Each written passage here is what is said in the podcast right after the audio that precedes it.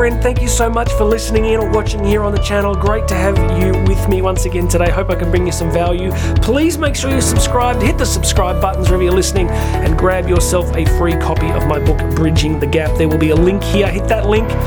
Put your details in. Hey, presto, I'm going to send you a chapter of the book every two days.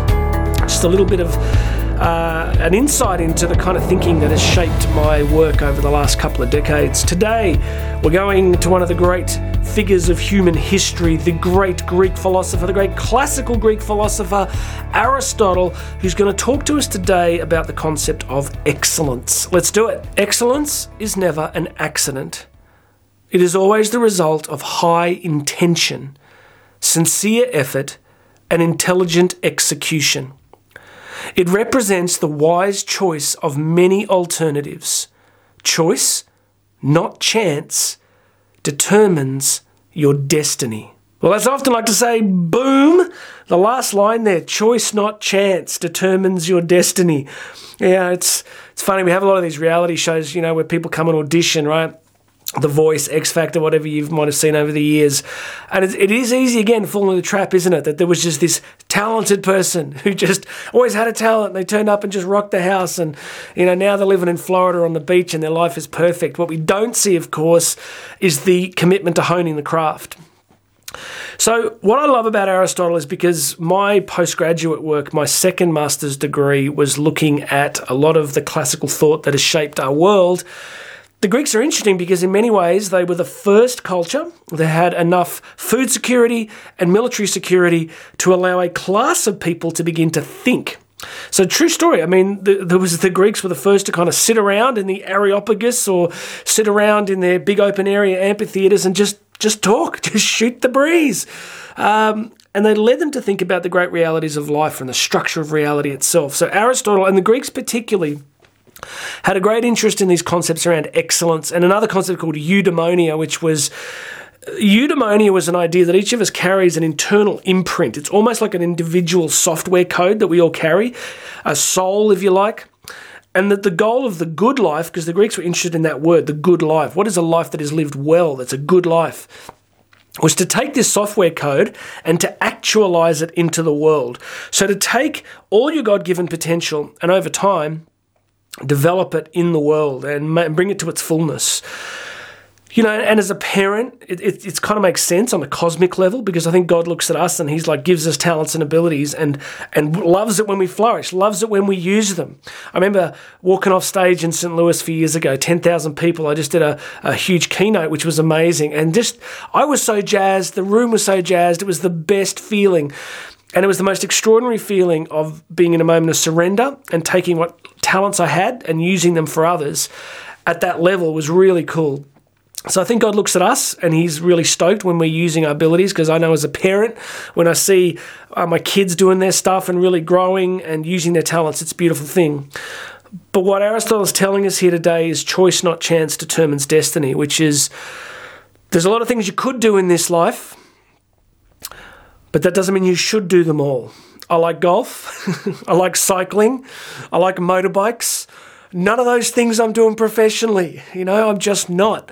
I'm doing this professionally because I want to hone this craft. As the years go by, I want to get a little bit better. I want to read more and more. I want to reach more people because it's what I've been given, and I and I hope it helps people. Right. So there's this element if you want to achieve excellence in some area and i first want to ask you have you ever really thought about it do you do you think about excellence i think the majority of us don't no criticism it's just life's busy and some of us trying to pay the bills and we're just trying to get through the day.